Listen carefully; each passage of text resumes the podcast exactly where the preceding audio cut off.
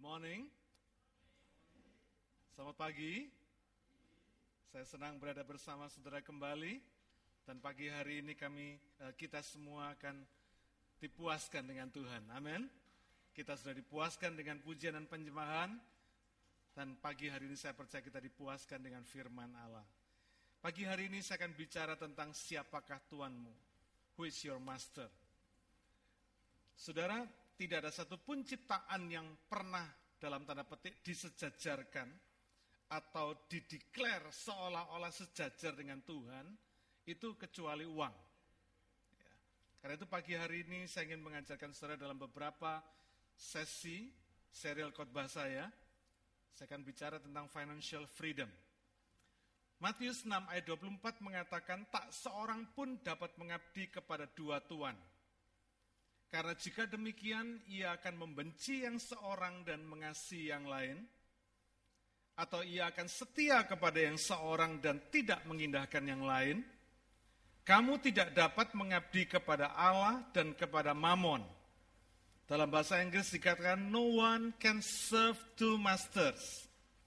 For either he will hate the one and love the other, or he will devote it to the one and despise the other. You cannot serve God and money. Saudara perhatikan di sini, Alkitab tidak berkata engkau tidak boleh menyembah dua Tuhan. Tapi Alkitab mengatakan engkau tidak dapat. Bukan you should not, but you cannot. Engkau tidak dapat. Jadi ada pilihan cuma satu, tidak bisa pilihan dua-dua. Kita kan sering maunya begitu, saudara ya. Kalau bisa dua-dua, kita nginjak dua perahu. Tapi Alkitab mengatakan dalam urusan Tuhan dan mamon ini, atau uang ini, ini kita nggak bisa dua-dua. Mesti milih salah satu. Karena itu pagi hari ini judul khotbah saya, siapakah Tuhanmu? Who is your master? Tapi bukan rahasia umum lagi bahwa sejak kita kenal uang, maka pergumulan terbesar dan terbanyak dalam kehidupan kita adalah uang. Betul nggak? Dulu waktu kita masih kecil, kita belum ngerti duit, kita nggak pernah pusing urusan uang, betul? Coba lihat anak-anak kita yang kecil-kecil, yang lucu-lucu itu. Mereka nggak pernah pusing urusan uang. Mereka nggak pernah berpikir besok saya punya uang apa enggak, atau papa mama saya punya uang apa enggak. Nggak pernah mikir. Tapi sejak kita mulai mengenal uang, maka Ternyata pergumulan urusan uang ini akan menjadi pergumulan terbesar dan terbanyak dalam kehidupan kita. Pikiran kita akan terus dipenuhi dengan uang, uang, uang. Money, money, money, ya kan? Apalagi orang Chinese, saudara. Orang Chinese itu gak bisa lepas dari duit. Money, money, money, pikirannya duit. Asal bau duit, pintu pasti dibuka, dagang pasti dibuka. Gitu ya, gak peduli dia.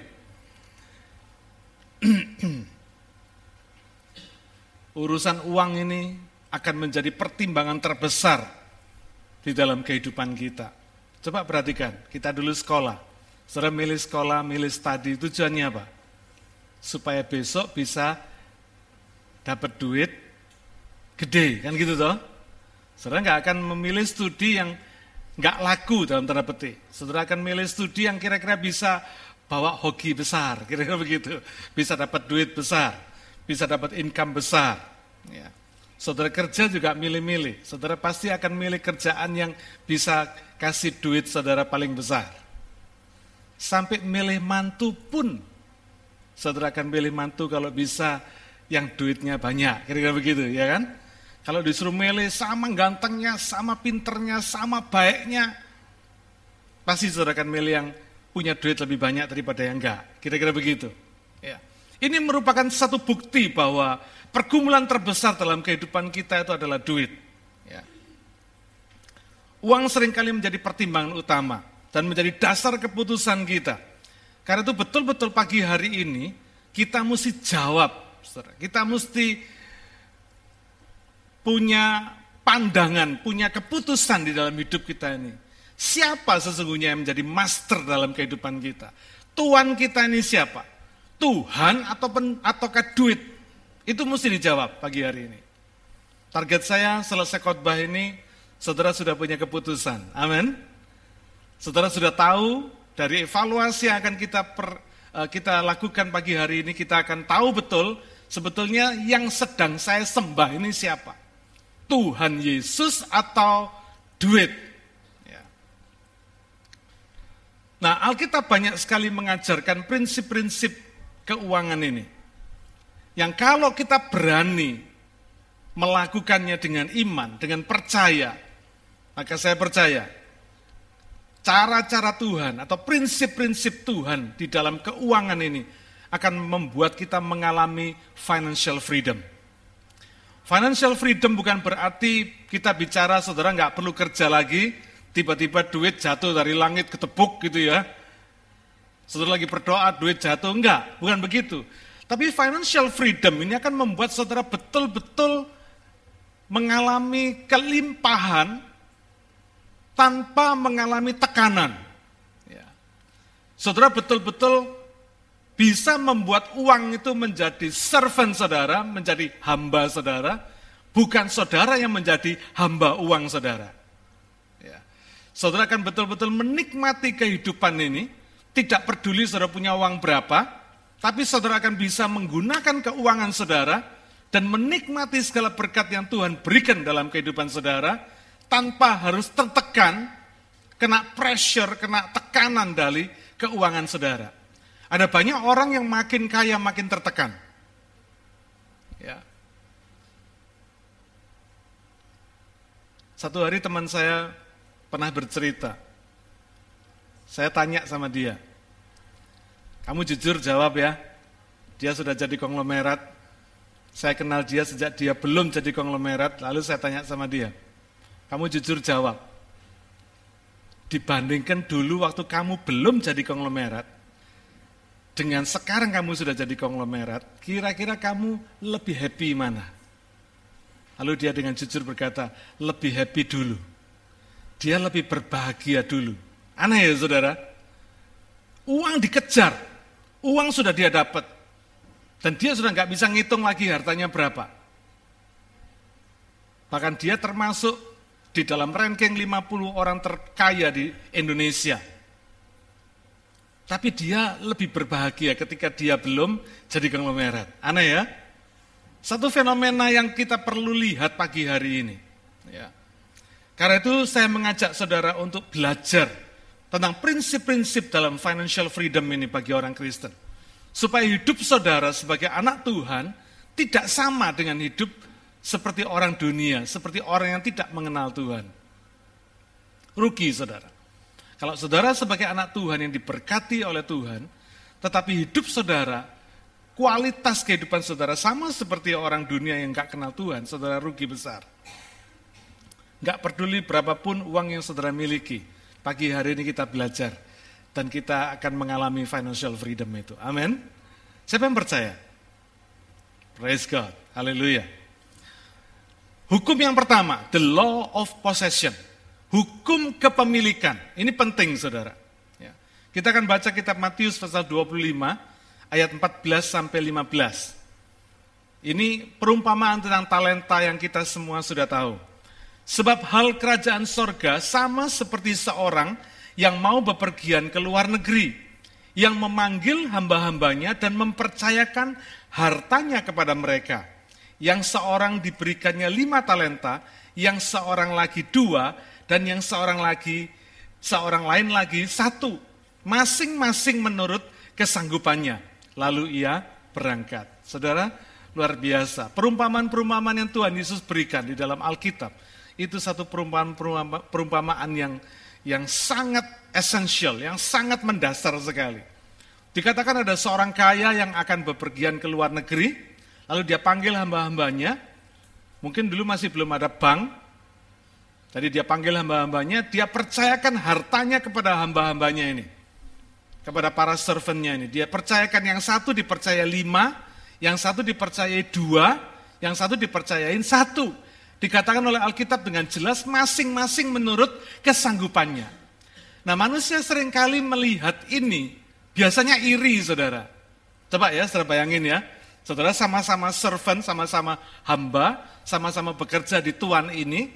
Lalu saudara dipanggil sama Tuhan ini, yang satu dipercayai lima talenta, yang lainnya dipercayai dua, yang lainnya dipercayain satu. Kira-kira bisa nggak timbul iri hati di antara ketiga hamba ini? Bisa nggak? Bisa. Bisa, dan itu manusiawi banget, saudara. Mereka akan berpikir, lu kita ini sama-sama hambanya. Kenapa dia dikasih lima, dia dikasih lima, gua dikasih satu. Bisa, saudara. Inilah kecenderungan manusia. Manusia itu sering kali lupa terhadap kesanggupan yang hanya diketahui oleh Tuhan. Saudara tidak akan pernah bisa tahu kesanggupan saudara. Tidak ada satu orang pun yang bisa mengukur kesanggupan dirinya sendiri. Tuhan yang tahu. Karena itu kita nggak perlu ngiri. Ya, kalau orang lain dipercaya Tuhan lima talenta, it's okay. Orang lain dipercaya dua talenta, kita cuma satu talenta, it's okay. Karena apa? Karena kita percaya bahwa Tuhan melihat kemampuan kita. Nah persoalannya saudara sekarang ini, kemampuan kita ini bisa nggak berkembang? Bisa nggak? Bisa. Ya, bisa. Nanti kita lihat. Kemampuan kita ini bisa berkembang. Karena itu kita gak boleh stick, gak boleh berhenti melihat pada kemampuan kita pada saat ini. Karena itu di dalam prinsip the law of possession ini, kita melihat bagaimana rahasianya supaya kemampuan kita ini berkembang. Ya. Yang satu cuma mampunya sementara cuma satu talenta, ya biar, nggak apa-apa. Tapi bukan berarti terus satu talenta terus. Hari ini kita dipercayakan satu talenta atau dua talenta, tapi bukan berarti kita akan stay terus di dalam satu talenta, dua talenta terus. Ya. Nanti kita akan belajar. Jadi ada satu hal prinsip yang sangat penting yaitu prinsip kepemilikan ini. Ini penting saudara. Ya. Karena prinsip kepemilikan ini ditegaskan di dalam perumpamaan ini bahwa yang punya uang, yang punya talenta ini siapa? Tuannya, betul? Tuannya yang punya. Yang empunya talenta, empunya harta ini tuannya, bukan para hambanya. Meskipun dipercayakan kepada hamba-hambanya, tapi yang punya tetap tuannya. Ini penting, saudara. Karena sering kali kita ini lupa, manusia itu suka lupa loh, saudara. Ya, dipercayai sama Tuhan harta miliknya Tuhan, tetapi kita lupa bahwa harta itu miliknya Tuhan bukan milik kita. Jadi the law of possession ini, prinsip kepemilikan ini, hari ini perlu kita gariskan dengan tegas. Alkitab itu memberikan garis yang tegas. Bahwa milik itu, pemilik itu, ownernya, itu Tuhan. Bukan hamba-hambanya. Coba saya kasih tahu kiri kanan. Semua yang kita punya, Tuhan lu yang punya. Ya, ingetin, saudara. Tepuk baunya supaya nggak lupa. Ingat ya, semua yang kita punya itu milik Tuhan. Ingetin saudara. Mungkin samping-samping saudara lupa. Ya. Jadi para hamba ini dipercayai harta milik Tuhan mereka itu bukan untuk memilikinya, tapi untuk mengelolanya. Ini penting. Dan nanti satu ketika kalau Tuhan ini kembali, dia akan mengadakan perhitungan dengan hamba-hamba ini. Dia ingin melihat apa yang dilakukan para hamba ini terhadap harta miliknya yang dia percayakan kepada mereka. Dalam bahasa Inggris, prinsip ini dikatakan sebagai stewardship. Stewardship. Kalau dalam bahasa Inggris modernnya manage, kira-kira begitu. Managing atau manage, mengelola. Ya. Dengan kata lain, Tuhan ini ingin melihat paradigma dan sikap hamba-hambanya ini terhadap uang atau harta yang dipercayakan kepada mereka. Saudara ini penting. Ini bicara soal trust. Amin. Dulu nenek saya selalu berkata, kalau kamu mau berhasil dalam hidupmu, kata, kata, kata dia, jadilah orang jujur. Orang jujur itu di mana saja pasti sukses dia bilang. Ya. Ini trust, ini urusan trust. Kalau orang itu bisa dipercayai urusan uang ini saudara, dia baru disebut trustable. Dia baru bisa disebut dia bisa dipercaya. Tapi kalau orang itu tidak bisa dipercayai urusan uang ini, jangan harap bisa percaya urusan yang lain dah. Dia nggak trustable. Ya. Jadi paradigma atau sikap terhadap uang ini adalah hal prinsip yang tidak boleh dikaburkan atau diganggu gugat. Sebab kita tidak boleh atau tidak bisa memiliki apa yang memang bukan milik kita. Jadi segala sesuatu yang pada hari ini dipercayakan kepada kita itu bukan milik kita. Ingat saudara ya. Ingat-ingat betul ini. Waktu bukan milik saudara. Kenapa? Kalau sudah dipanggil berangkat, saudara nggak bisa tunda satu detik pun kok. Betul? Nggak bisa. Kalau Tuhan bilang, go home. Tidak peduli pagi, siang, malam, tua, muda, besar, kecil, berangkat saudara. Sudah nggak ada yang dibilang Tuhan, Tuhan tolong tunda, tunda, tunda sedikit. Nggak bisa.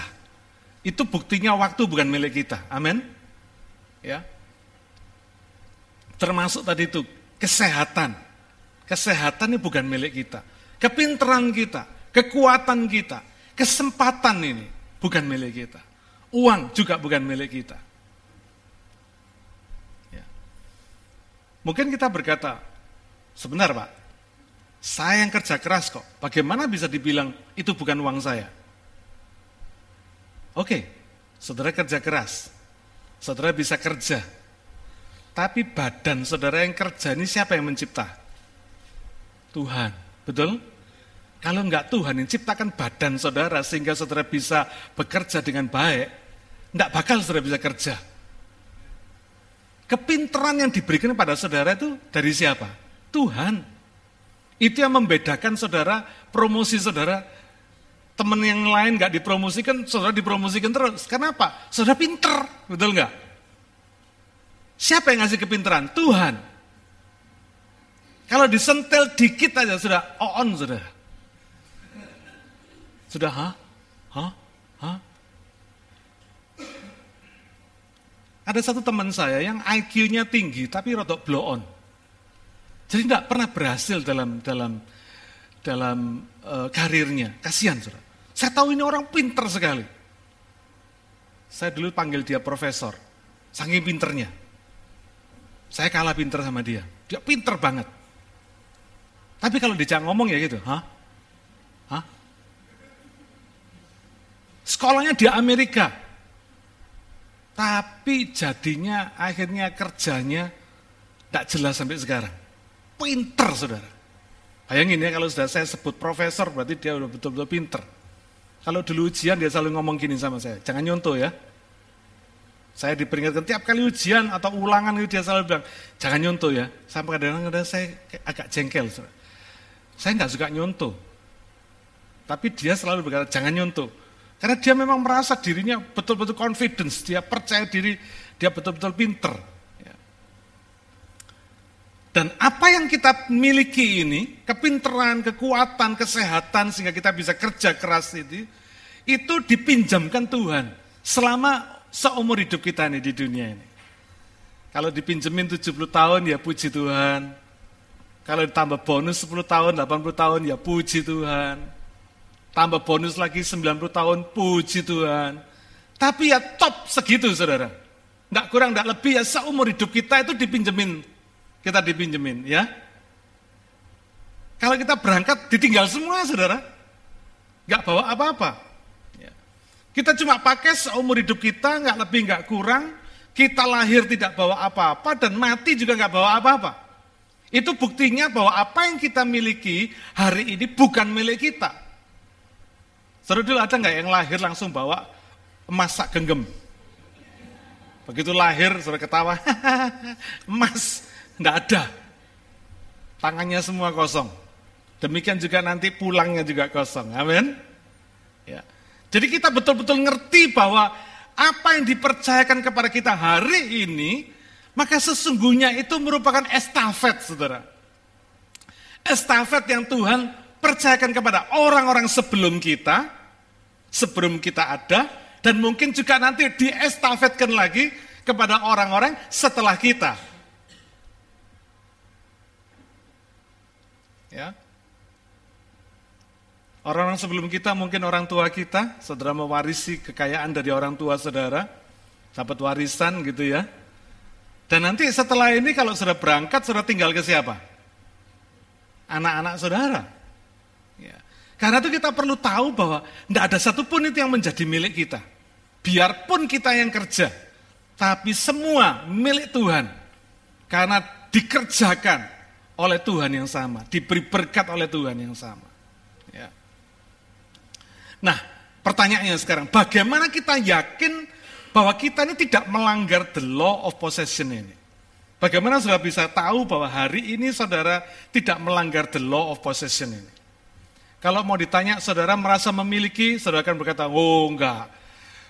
Saudara, pikiran saudara, kalau budi saudara berkata, enggak. Saya tahu betul Pak, harta milik saya semua Tuhan. Itu ngomongnya saudara. Ya. Tapi bagaimana kita bisa melihat validnya, keabsahannya perkataan kita. Benar enggak perkataan kita ini? Bagaimana kita tesnya?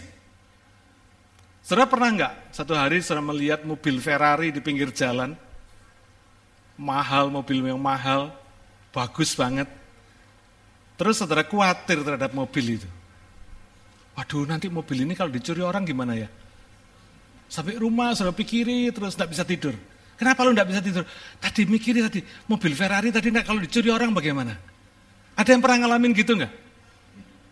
Kenapa? Ya karena bukan milik kita, betul enggak? Biar Ferrari, Bentley dan sebagainya bukan milik kita. Ya.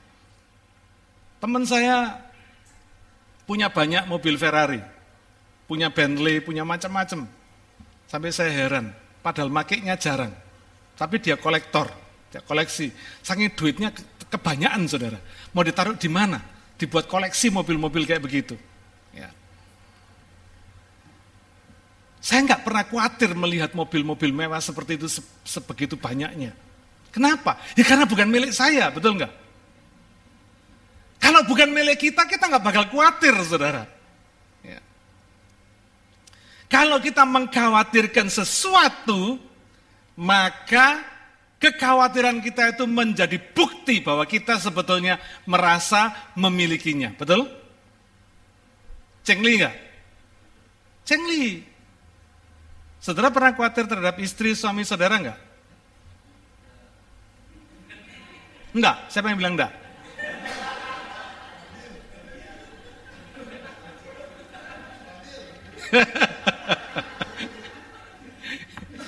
Kalau suami istri saudara nggak dirawat saudara sendiri, nanti bisa dirawat orang lain. Saudara.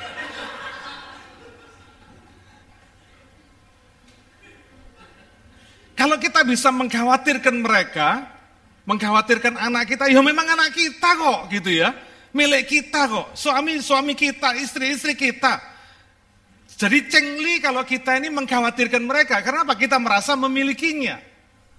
Bahasa kerennya sense of belonging, kira-kira begitu. Jadi yang tidak mem, memikirkan, yang tidak memperhatikan itu mesti hati-hati. Itu tandanya tidak memiliki sense of belonging. Ya. Jadi kalau kita mengkhawatirkan sesuatu, kalau kita tertekan, terpressure, stres, takut atau kepikiran, itu tandanya kita merasa memilikinya. Amin. Ya. Hari ini coba sudah pikirin. Apakah saudara pernah stres, khawatir, takut, tertekan oleh keuangan saudara? Berarti saudara merasa itu milik saudara. Sekali lagi, saya nggak peduli urusan berapa banyak saudara punya duit. Tapi as long as saudara khawatir, takut, stres, tertekan, terpressure, urusan keuangan, itu tandanya saudara merasa memiliki duit saudara itu artinya kita sudah melanggar the law of possession ini. Jadi berapapun saudara punya, Kalau sampai itu mengkhawatirkan saudara, itu tandanya saudara sudah merasa memilikinya dan itu sudah melanggar the law of possession ini. Makin ditambah, makin khawatir.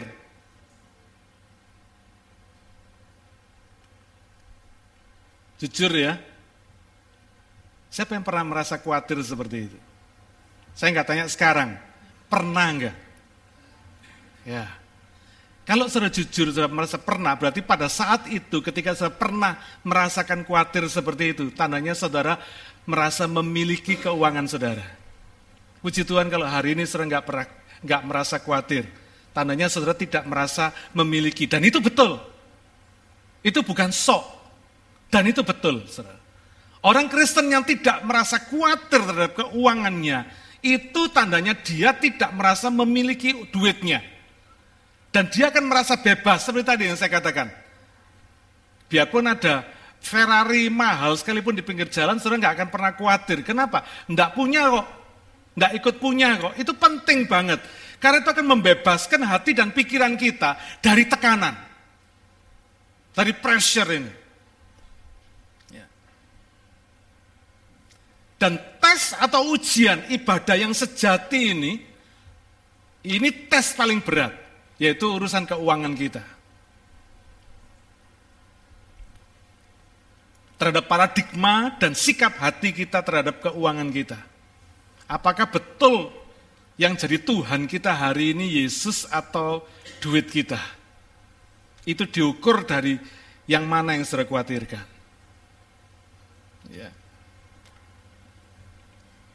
Yang paling menyita pikiran saudara itu menjad, memberikan bukti bahwa dialah master atau tuan saudara. Siapa yang pernah kepikiran karena nggak ke gereja? Nggak ada ya? Ya ampun.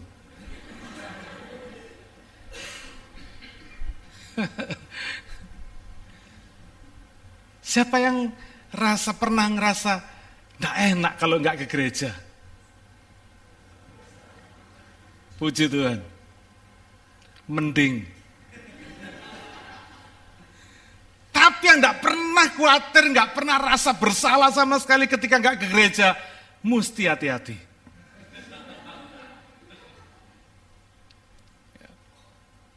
Dari ketawa saudara saya sudah tahu jawaban saudara. Bagaimana kita memandang dan bersikap terhadap uang kita itu adalah ujian ibadah kita yang sejati. Sebab kalau Anda tidak bisa membedakan ini dan dengan tidak tegas menyatakan siapa yang jadi milik, pemilik dari apa yang saudara punya, maka ibadah kita akan salah, saudara. Kita akan melenceng karena ternyata nanti yang jadi tuan atau jadi master dalam kehidupan kita itu bukan Tuhan, sang pemberi berkat, tetapi duit yang adalah berkatnya Tuhan. Beda tipis, saudara. Melenceng dikit, jauh melencengnya. Ya. Karena itu, urusan duit ini merupakan disiplin rohani yang paling penting dalam ibadah sejati kita kepada Tuhan. Ini adalah disiplin rohani yang harus betul-betul kita pertanggungjawabkan kepada Tuhan yang sudah memberikannya kepada kita. Ya. Dan ternyata saudara, tanggung jawab kita, kesetiaan kita di dalam memegang prinsip the law of possession ini, itu akan menentukan status atau ukuran, atau level, atau penilaian, atau rapot kita di hadapan Tuhan. Mari kita baca ya. Kita coba baca Matius pasal 25 ayat 19 sampai 21. Lama sesudah itu pulanglah tuan hamba-hamba itu lalu mengadakan perhitungan dengan mereka. Hamba yang menerima lima talenta itu datang dan ia membawa laba lima talenta. Katanya Tuan, lima talenta Tuan percayakan kepadaku. Lihat, aku telah beroleh laba lima talenta. Maka kata tuannya itu kepadanya, baik sekali perbuatanmu itu Hai hambaku yang baik dan setia, engkau telah setia dalam perkara kecil, aku akan memberikan kepadamu tanggung jawab dalam perkara yang besar. Masuklah dan turutlah dalam kebahagiaan Tuanmu. Kata-kata yang sama diulang ketika hamba yang memba, yang yang diberi kepercayaan dua talenta ini membawa laba juga dua talenta. Ya. Sudah perhatikan di sini.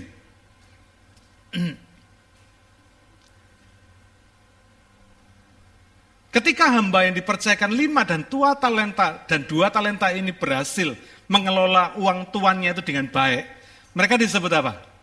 Hamba yang baik dan setia. Luar biasa ya. Hamba yang baik dan setia. Tapi sebaliknya, setelah itu datang hamba yang diberi kepercayaan satu talenta dan dia sembunyikan uang talentanya. Nanti kita akan baca. Dia disebut sebagai hamba yang jahat malas dan tidak berguna. Saudara ini ini urusan serius loh. Bagaimana saudara mengelola keuangan saudara, bagaimana saudara melihat paradigma saudara terhadap keuangan saudara, bagaimana saudara manage keuangan saudara, itu menentukan rapot saudara di hadapan Tuhan. Mungkin lima, uh, apa hamba yang mendapat lima talenta, dua talenta, dan satu talenta ini juga melakukan tugas-tugas yang lain. Dan mungkin mereka melakukan tugas yang lain itu dengan baik. Tapi hanya karena urusan keuangan yang dipercayakan ini, rapot mereka merah, saudara. Ya, rapot satu, yang satu dapat satu talenta ini jadi merah, rapot yang lainnya yang dapat lima dan dua talenta ini tetap biru, kira-kira begitu. Rapotnya bagus. Ya.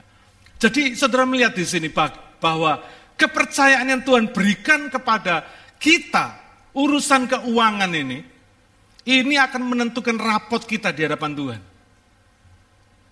Mungkin urusan yang lain saudara sudah hebat, sudah bagus. Tapi kalau nggak setia urusan keuangan ini, rapot saudara bisa merah. Saya bisa bayangkan kalau tuannya berkata, engkau hamba yang jahat, malas, dan tidak berguna. Waduh saudara. Mungkin dia akan berkata, lu Tuhan saya kan sudah melakukan yang lainnya dengan baik, cuma ini tok, salahnya cuma di sini saja. Rapotnya merah.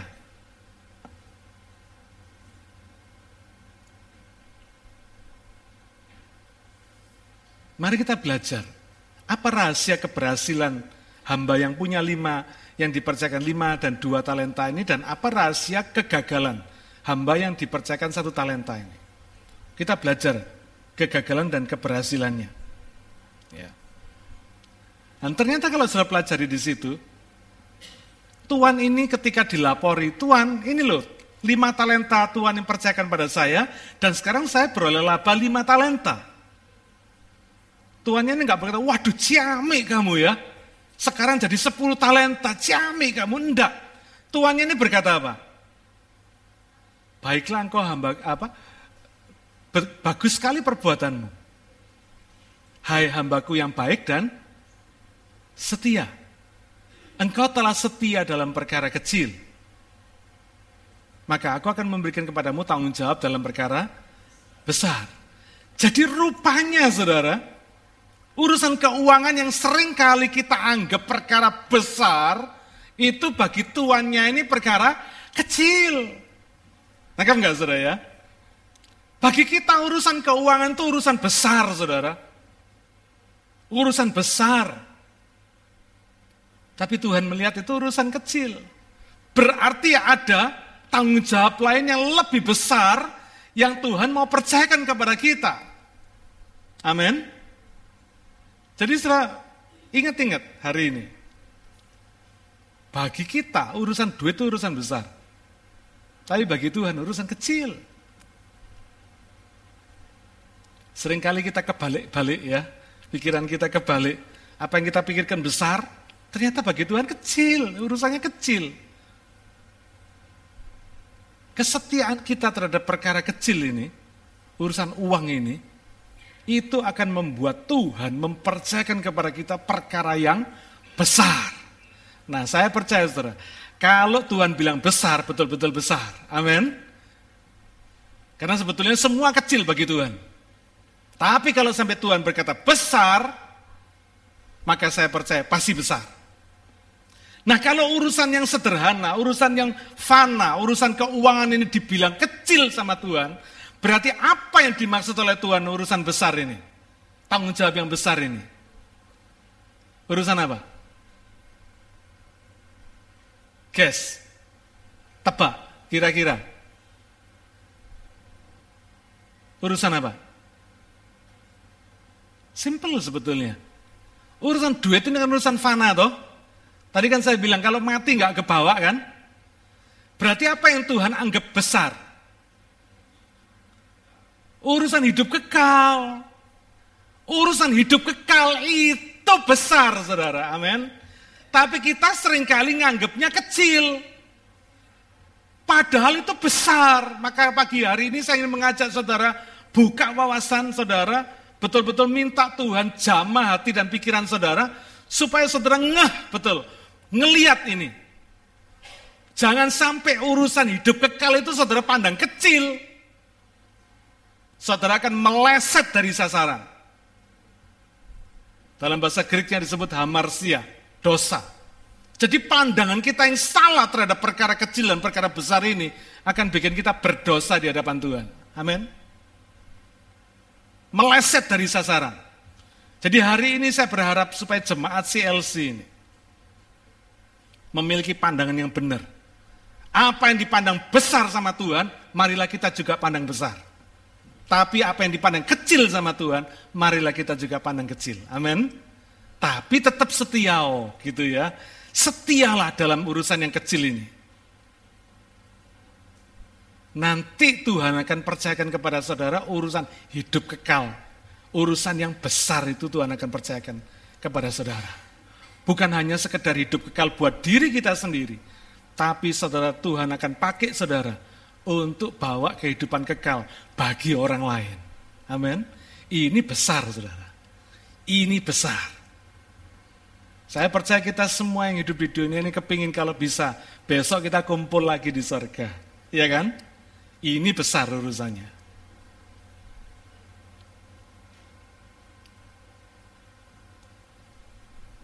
Jadi rahasia keberhasilan hamba yang dipercaya lima talenta dan dua talenta ini, rahasia keberhasilan cuma sederhana. Dia mengelola dengan setia. Dia memegang prinsip ownershipnya tuannya ini dengan setia. Dia tidak merampok apa yang menjadi milik tuannya, dan dia mempertanggungjawabkan semua yang menjadi milik tuannya dikembalikan kepada tuannya. Dan yang menarik kalau saudara perhatikan di situ, mari kita baca sekarang ayat yang 24 sampai 30. Ya. Perhatikan di sini.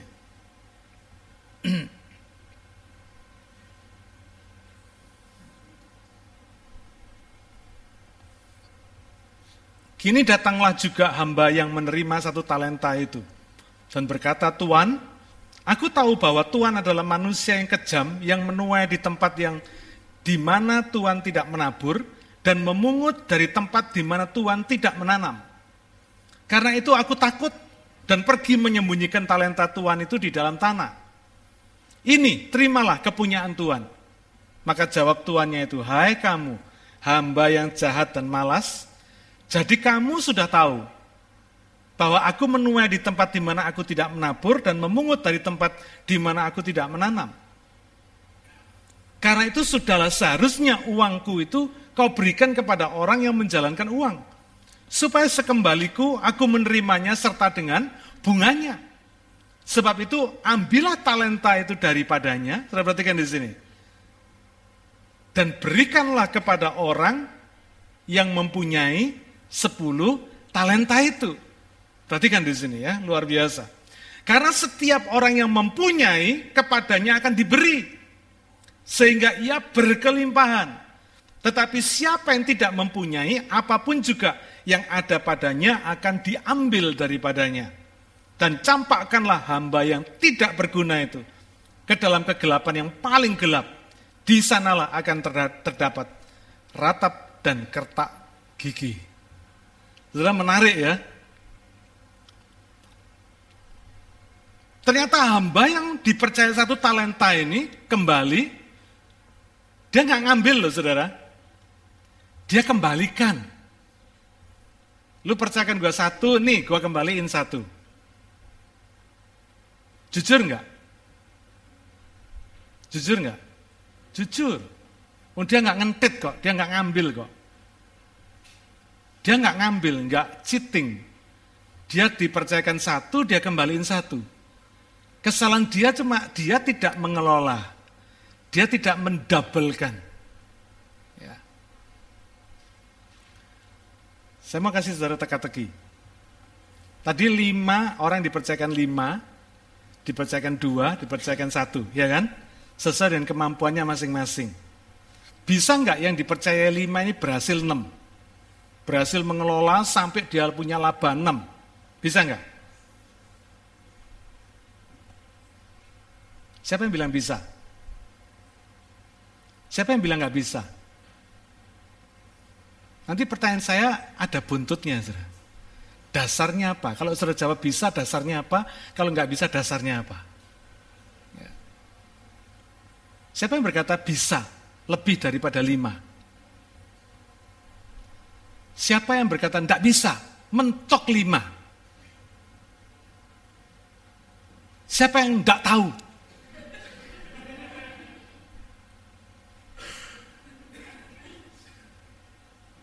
Tadi saya tanya, siapa yang mentok lima, tidak ada yang jawab. Padahal itu yang betul. Dia tidak bakal bisa lebih dari lima. Kenapa? Karena kemampuannya lima, saudara. Nangkep? Tuannya ini ngerti, dia kemampuannya lima, dikasih lima.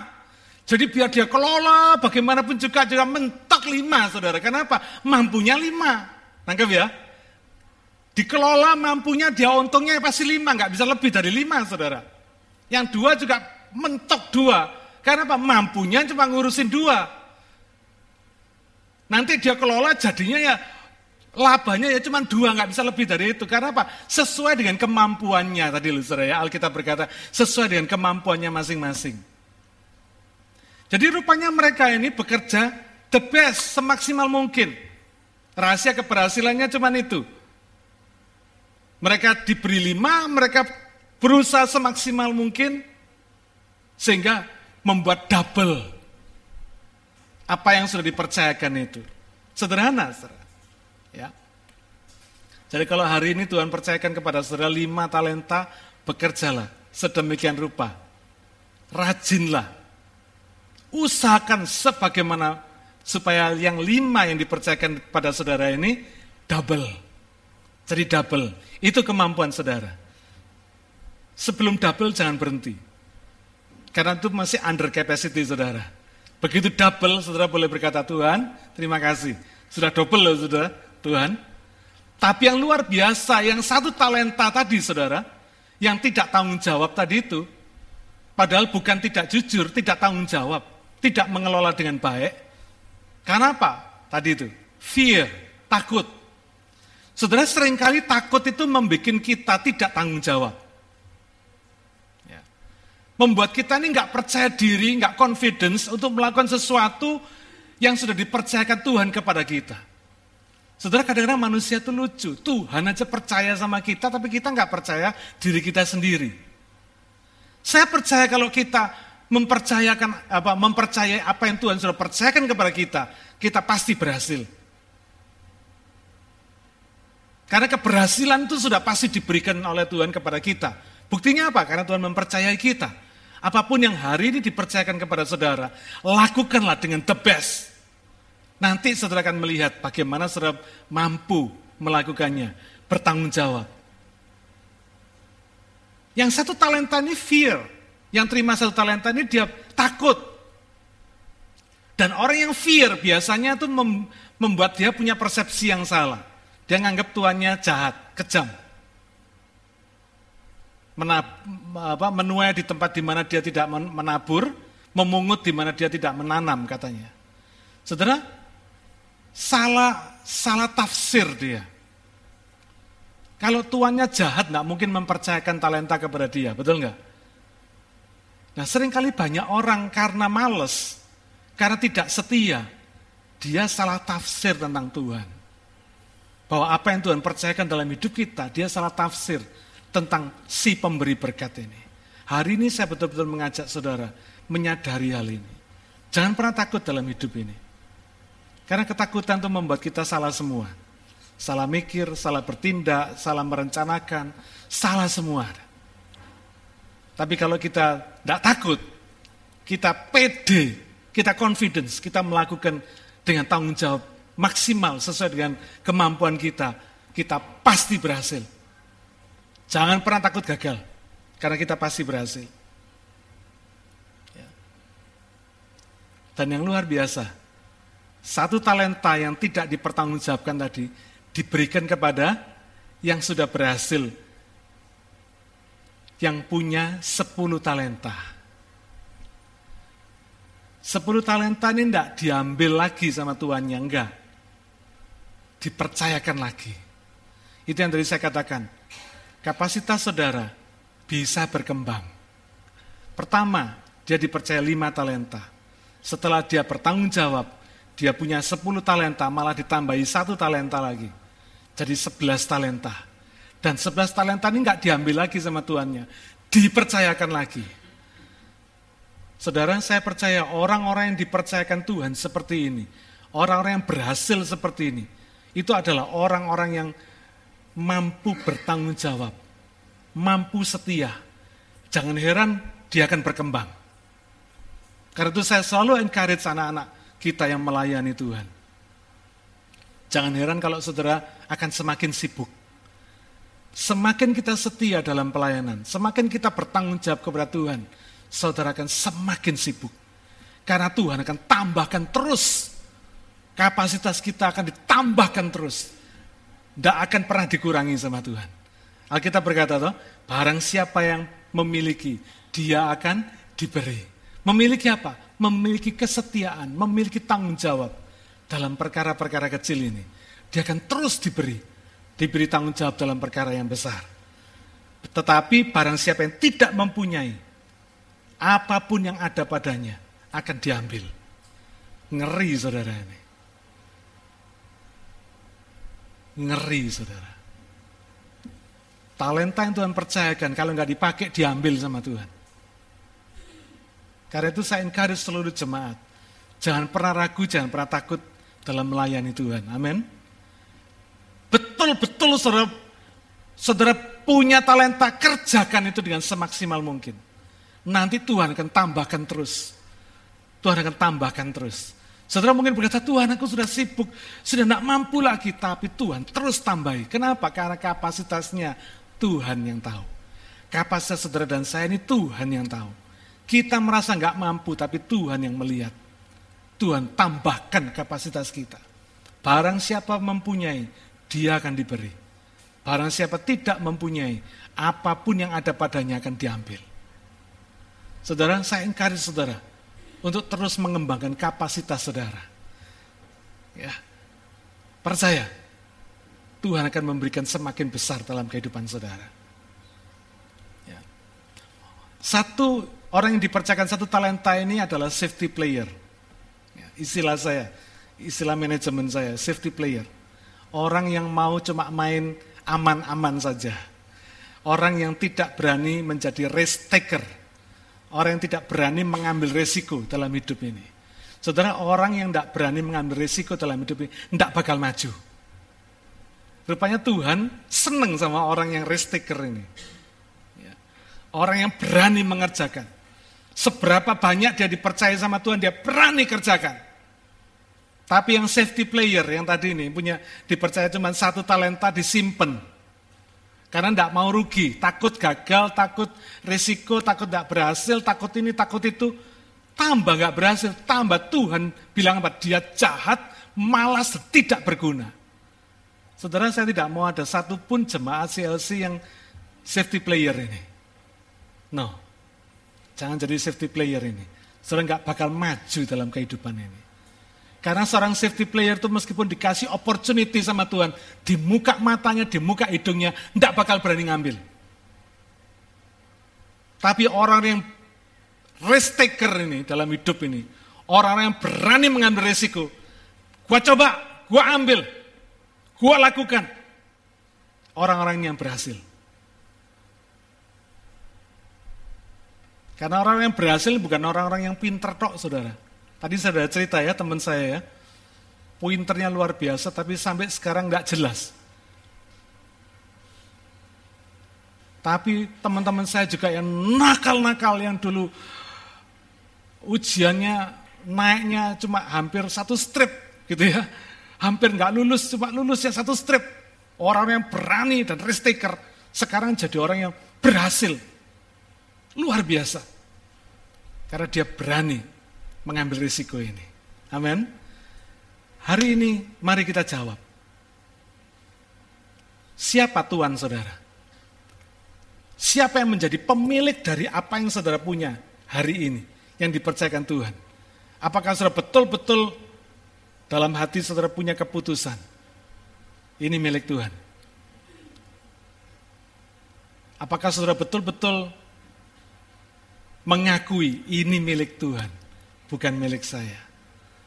Dan sikap yang kedua yang harus kita miliki, apakah kita mau mengikuti keberhasilan hamba yang dipercaya lima dan dua talenta ini dan menjauhkan diri kita dari kegagalan seperti hamba yang dipercayakan satu talenta ini. Buang segala ketakutan dalam hidup saudara. Ya. Memang setiap orang itu dalam keputusan apa pun dalam hidup ini pasti ada risikonya. Tidak ada keputusan yang tanpa risiko itu tidak ada saudara. Saudara memutuskan mau makan apa saja ada risikonya. Amin. Ya. Semua yang saudara putuskan itu ada risikonya. Karena itu jangan takut risiko. Jadilah seorang yang risk taker. Tapi risk taker di dalam Tuhan. Maka saya percaya, dengan iman, saudara pasti berhasil. Karena Tuhan yang memberi, Tuhan yang akan menambahkan. Kalau saudara memiliki, saudara akan makin diberi. Tapi kalau saudara nggak memiliki, apa yang ada pada diri kita, yang Tuhan sudah percayakan akan diambil daripadanya. Amin. Mari kita berdoa.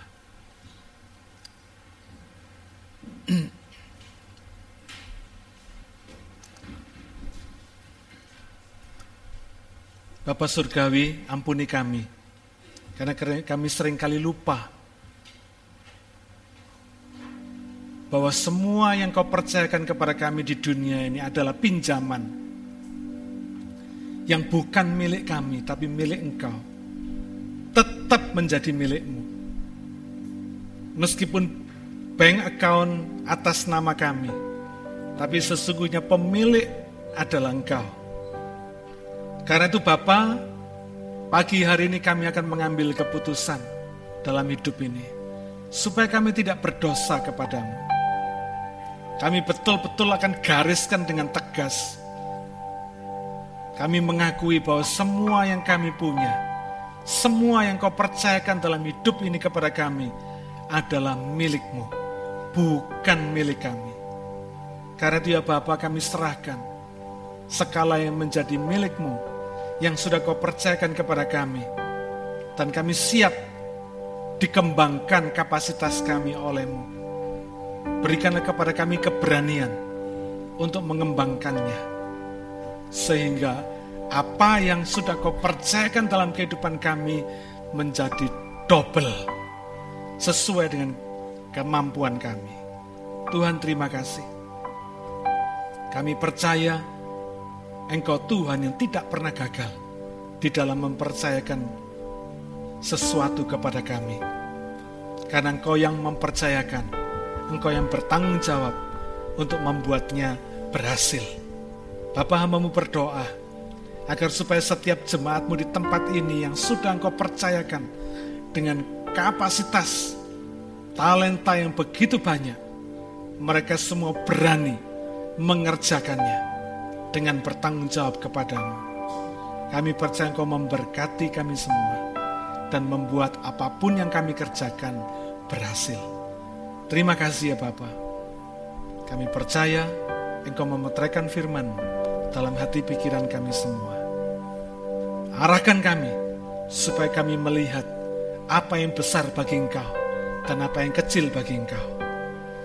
Bapa, terima kasih. Buatlah kami bisa memikirkan sebagaimana apa yang kau pikirkan dan merasakan sebagaimana apa yang kau rasakan. Melihat sebagaimana apa yang kau lihat. Terima kasih Bapa. Urapi kami. Dalam nama Tuhan Yesus, kami berdoa dan mengucap syukur. Haleluya. Amin. Tuhan memberkati saudara.